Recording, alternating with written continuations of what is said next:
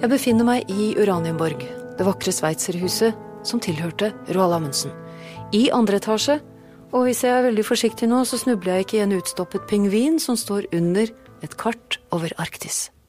Kartet er fra 1907, og fra Beringstredet, over hele Polhavet og ut mellom Grønland og Svalbard går det en blyantstrek.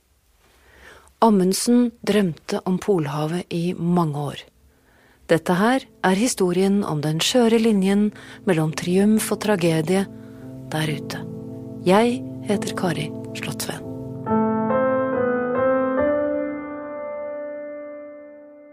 Man blir veldig sånn grepet tror jeg, av den verdenen når man først har oppdaget den. Og det som populært blir kalt polarbasillen. det der er polfarer Børge Ausland. Jeg heter Anders Bakke er arkeolog og fagkonsulent ved Roald Amundsens hjem Uranienborg, og en dag vil jeg også gjerne krysse Polhavet.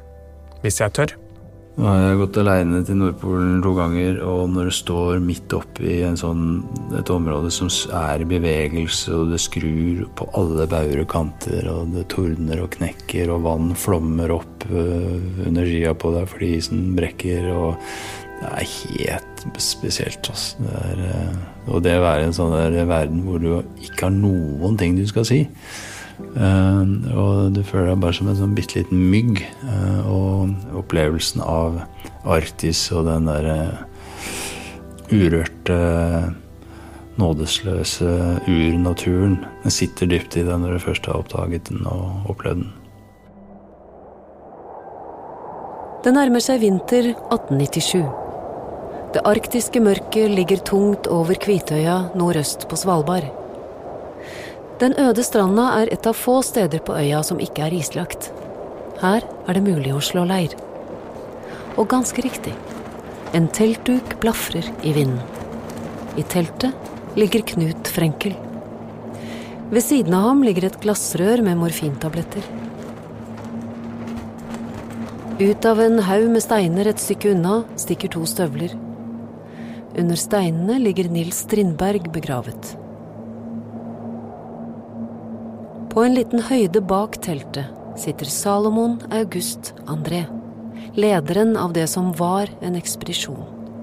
Lua er trukket ned over ørene. I jakkelomma ligger en medaljong med et fotografi av foreldrene. Ved siden av ham en primus og en rifle.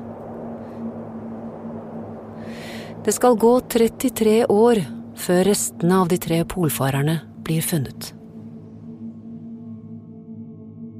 Å legge ut på tur over Polhavet er noe av det farligste du kan finne på. For da beveger du deg på et islagt hav. Isen beveger seg hele tiden, og havet er mer enn 4000 meter dypt. Ja, Nordpolen er livsfarlig alle de store ulykkene. Altså på, I Antarktis så har du bresprekker, og det har jo skjedd ulykker der med, med de fleste ulykkene uh, som dødsulykker, de har vært på Nordpolen. Med folk som har gått gjennom isen. Isen kan finne på å brake sammen og danne meterhøye hauger av is som er nesten umulig å komme seg over. Eller den kan sprekke opp i svære råker som kan sluke både deg og pulken. Den du trekker etter deg, og som inneholder det du trenger for å overleve? Mm, det jeg er mest redd for, er å gå gjennom isen og ikke klare å komme opp. Ikke så redd for isbjørn, egentlig. Storm og sånt, det klarer jeg stort sett å håndtere.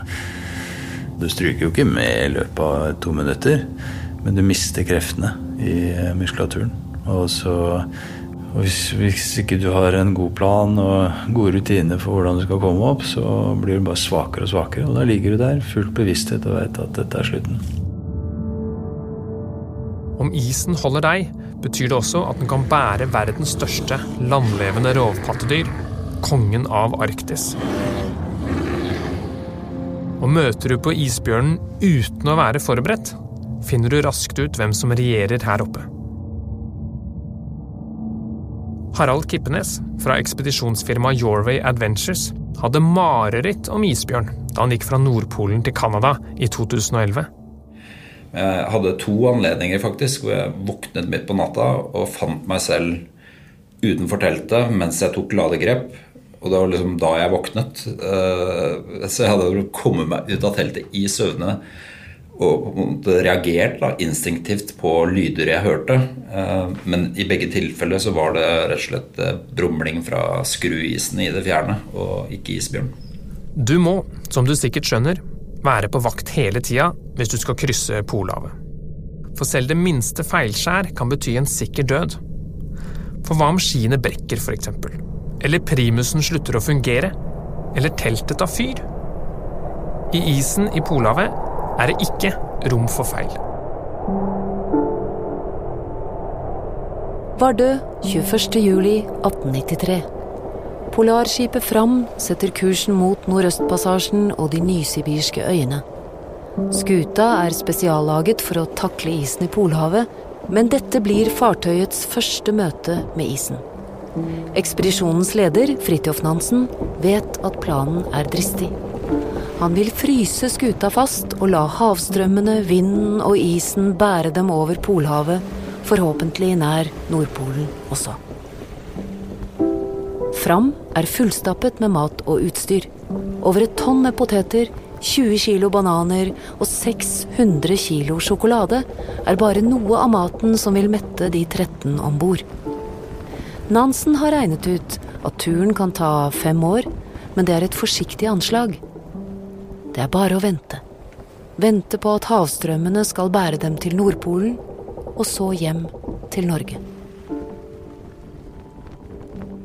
Mens Nansen og mannskapet om bord på Fram driver rundt i Polhavet, trer en svensk ingeniør fram for Det kongelige svenske vitenskapsakademi i Stockholm. Salomon August André mener nemlig at den beste muligheten for å krysse Polhavet ligger i lufta. André vil erobre både Nordpolen og Polhavet i en ballong. Der Nansen har planlagt å bruke flere år, anslår André at hans forslag til polarferd med luftballong vil ta en drøy uke. Håkan Jorikson er sjef på Grenna museum, Polarmuseet i Andrés hjemby i Småland, Sverige. Ja, André har aldri for meg vært en oppsiktsresenær eller egentlig en vitenskapsmann. Han er ingeniør. André er altså først og fremst ingeniør, ikke polfarer. For han vil egentlig bare prøve ballongteknikken. Hvor langt kan man flyge? Hvilke omstendigheter kan en ballong håndtere? Og det er han igjen ingeniøren, en slags flygingeniør. Men han har deltatt på en ekspedisjon til Svalbard noen år tidligere, og flydd en del med ballong i Sverige. Mange hadde troen på André, Folk som Alfred Nobel og kong Oskar 2. Og da får han jo veldig snabbt en finansiering som han aldri hadde fått, mener jeg. Om han har forsøkt å få man finansiere en reise over Atlanten, hadde vært fullstendig uinteressant. Men Arktis er jo et svensk vitenskapsområde, der alle rører seg. Er man vitenskapsmann, så reiser man norrut. Enkelte ledende eventyrere mener at Andres plan er god, og til og med bedre enn Nansens. Fridtjof Nansen når aldri helt til Nordpolen med Fram. Nansen og fyrbøter Hjalmar Johansen forlater skuta der den ligger fastskrudd i isen, og fortsetter nordover med ski, hundeslede og kajakk. I april 1895 står de på 86 grader og 14 minutter nord. Nærmere Nordpolen kommer de ikke. Men ingen mennesker har vært så nære som disse to. Nansen og Johansen feirer med lapskaus, brød, smør, sjokolade og tyttebærgrøt. Så setter de kursen sørover med håp om å komme hjem. Fire måneder senere når de øygruppen Frans Josefs land, der de overvintrer i et hi av stein, rekve og hvalrosskinn. Harald Dag Gjølle har skrevet biografien Nansen, oppdageren. Han har hatt en ufrivillig overvintring på Grønland etter kryssinga eh, av Grønland i 1888. Og der forsto han en ting. Det var det at skal jeg virkelig lære å mestre disse her elementene, så må jeg lære det av de som, som bor her. Og han går en arktisk høyskole hos inuittene på Grønland og, og lærer mange teknikker. Alt fra hvordan du fyrer tranlampe, til hvordan du eh, har sydd anorakka til altså Alle disse tingene som, som, som, som, åpenbart bidrar til at de klarer denne helt umenneskelige vinteren på Frans Josefland.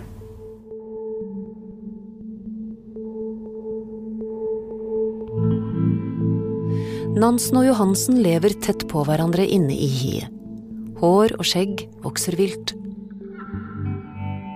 På julekvelden i 1895 skriver Nansen. Men også vi holder fest, og dertil tatt den ytterste skjorten innerst. Jeg har gjort det samme, men så har jeg også byttet underbukse og tatt på den andre, som jeg hadde vridd opp i varmt vann. Og så har jeg holdt kroppsvask med en kvart kopp vann, og med den avlagte underbuksen som svamp og håndkledet. Nå føler jeg meg som et helt nytt menneske. Klærne klisser ikke så meget til kroppen som før. Til kvelds hadde vi dernest fiskegrateng av fiskemel og maisgryn med tran i stedet for smør, og til dessert hadde vi brød stekt i tran.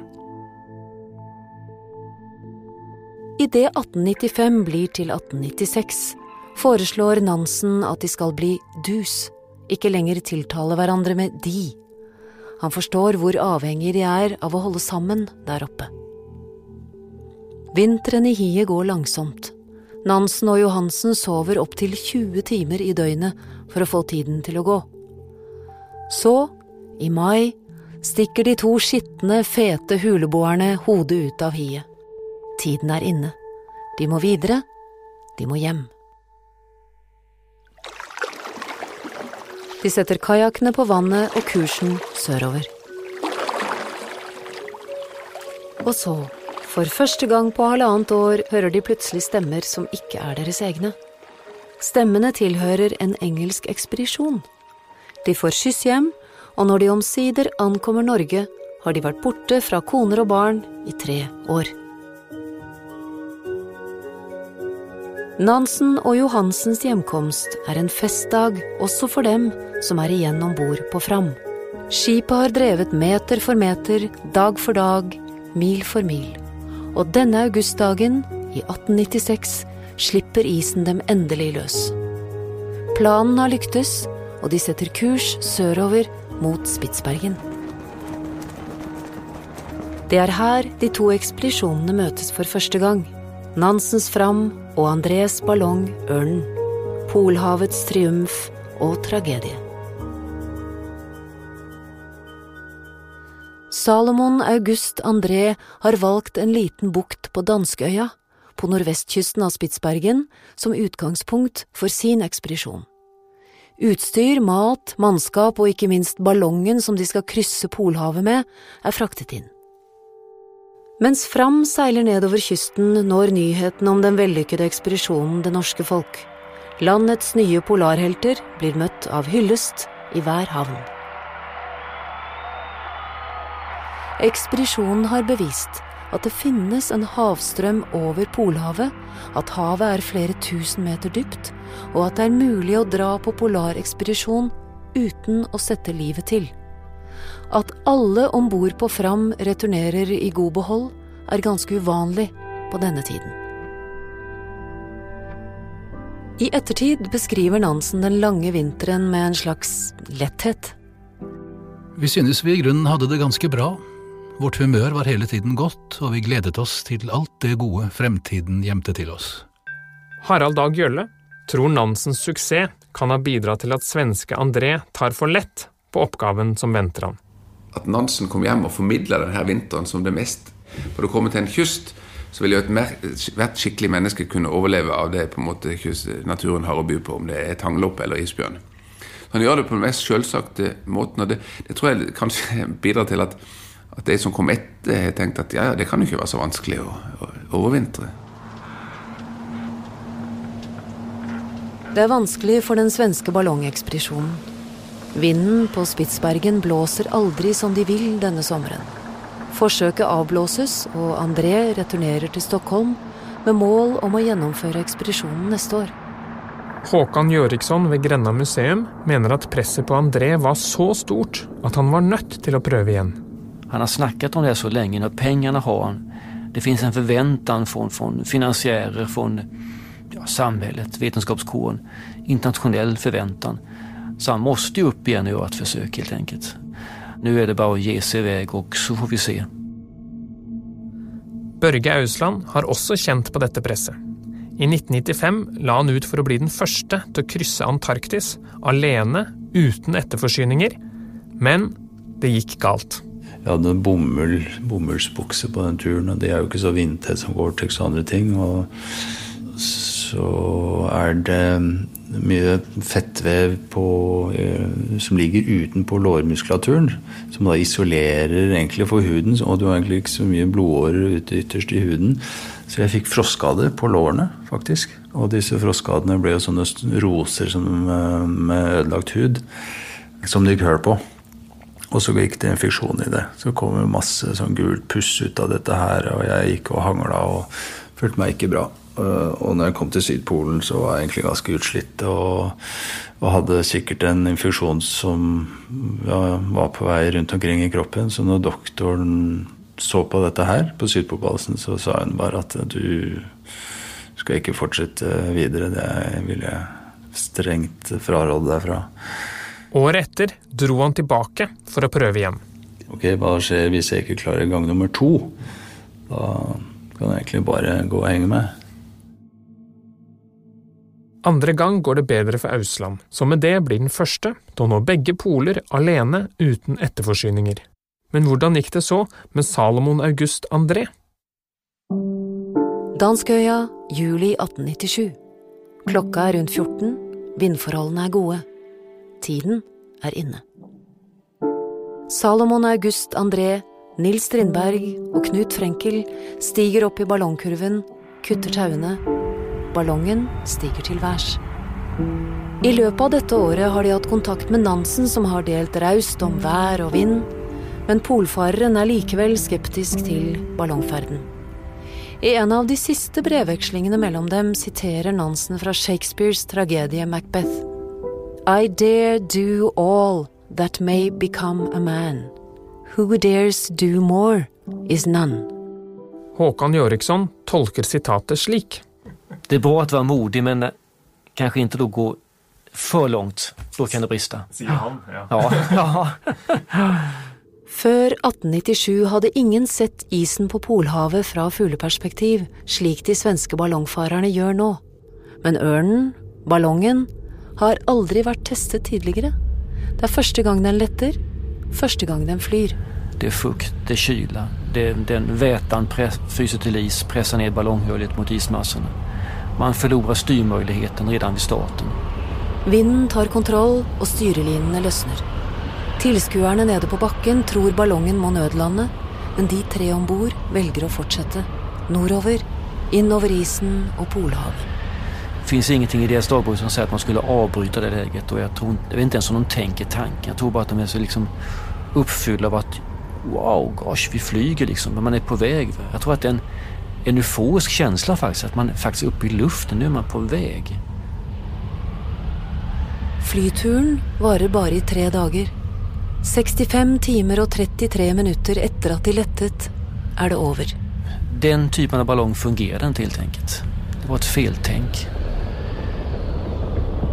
Ørnen lander midt på isen, 82 grader nord, nesten 500 km fra startpunktet og over 1000 km fra Nordpolen.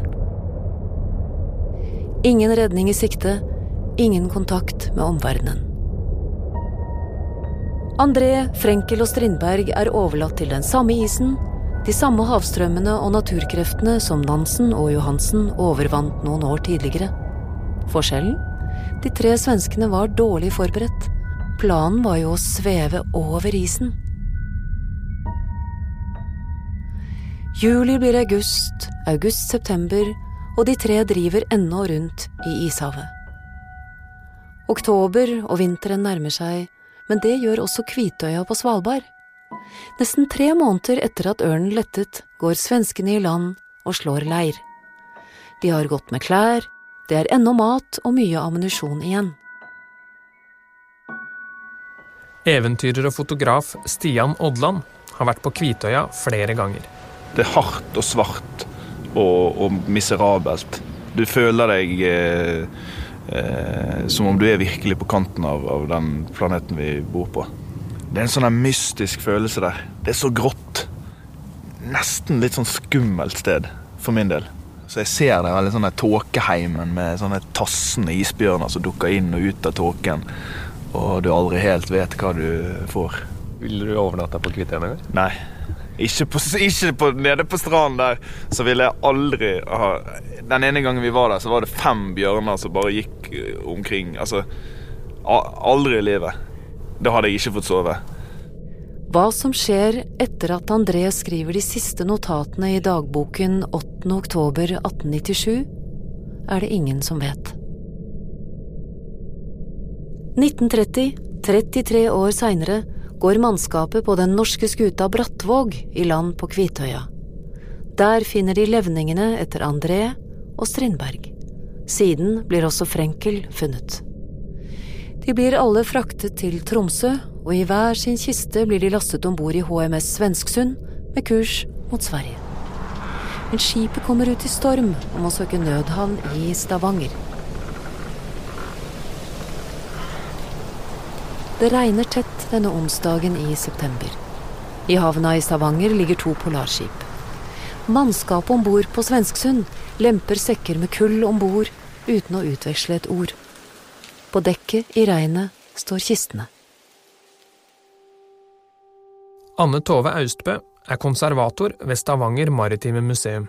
Eh, så det meldes da i avisen om en folkestrøm det flagges på halv stang, det er stor oppmerksomhet fra byens myndigheter.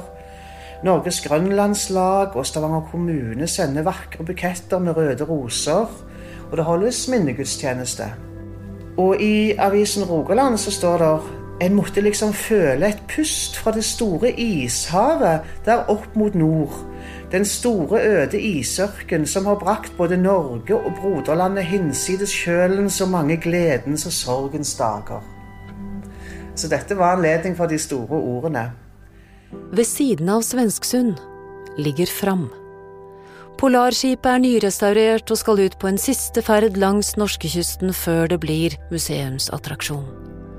Nysgjerrige tilskuere kan kjøpe suvenirer, små trebiter av skuta Nansen overfant Polhavet med, som tok Otto Sverdrup på en fireårig ekspedisjon til Arktis, Canada, og som fraktet Roald Amundsen til Sydpolen.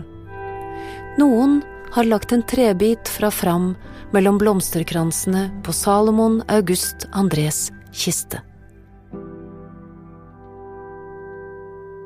Håkan Jorikson ved André-museet i Grenna oppsummerer med at de fleste i etterkant ser på Nansen som en vinner, og André som taperen. Her betrakter man, og Historien betrakter sikkert Nansen som den som vet hvordan man håndterer Arktis som vet hvordan man kan gå i felt, Medan André da har blitt en, en, en loser som eh, tar med seg to unge menn i døden. Eh, med en galen idé. Og her slutter historien om Nansen og André. Roald Amundsen krysset også Polhavet. Under kartet her, denne streken eh, over Polhavet Det er langt, da. Og ned ut mellom Grønland og Svalbard henger flagget som bl.a. var med Amundsen da han i 1926 fløy luftskipet Norge fra Svalbard til Alaska.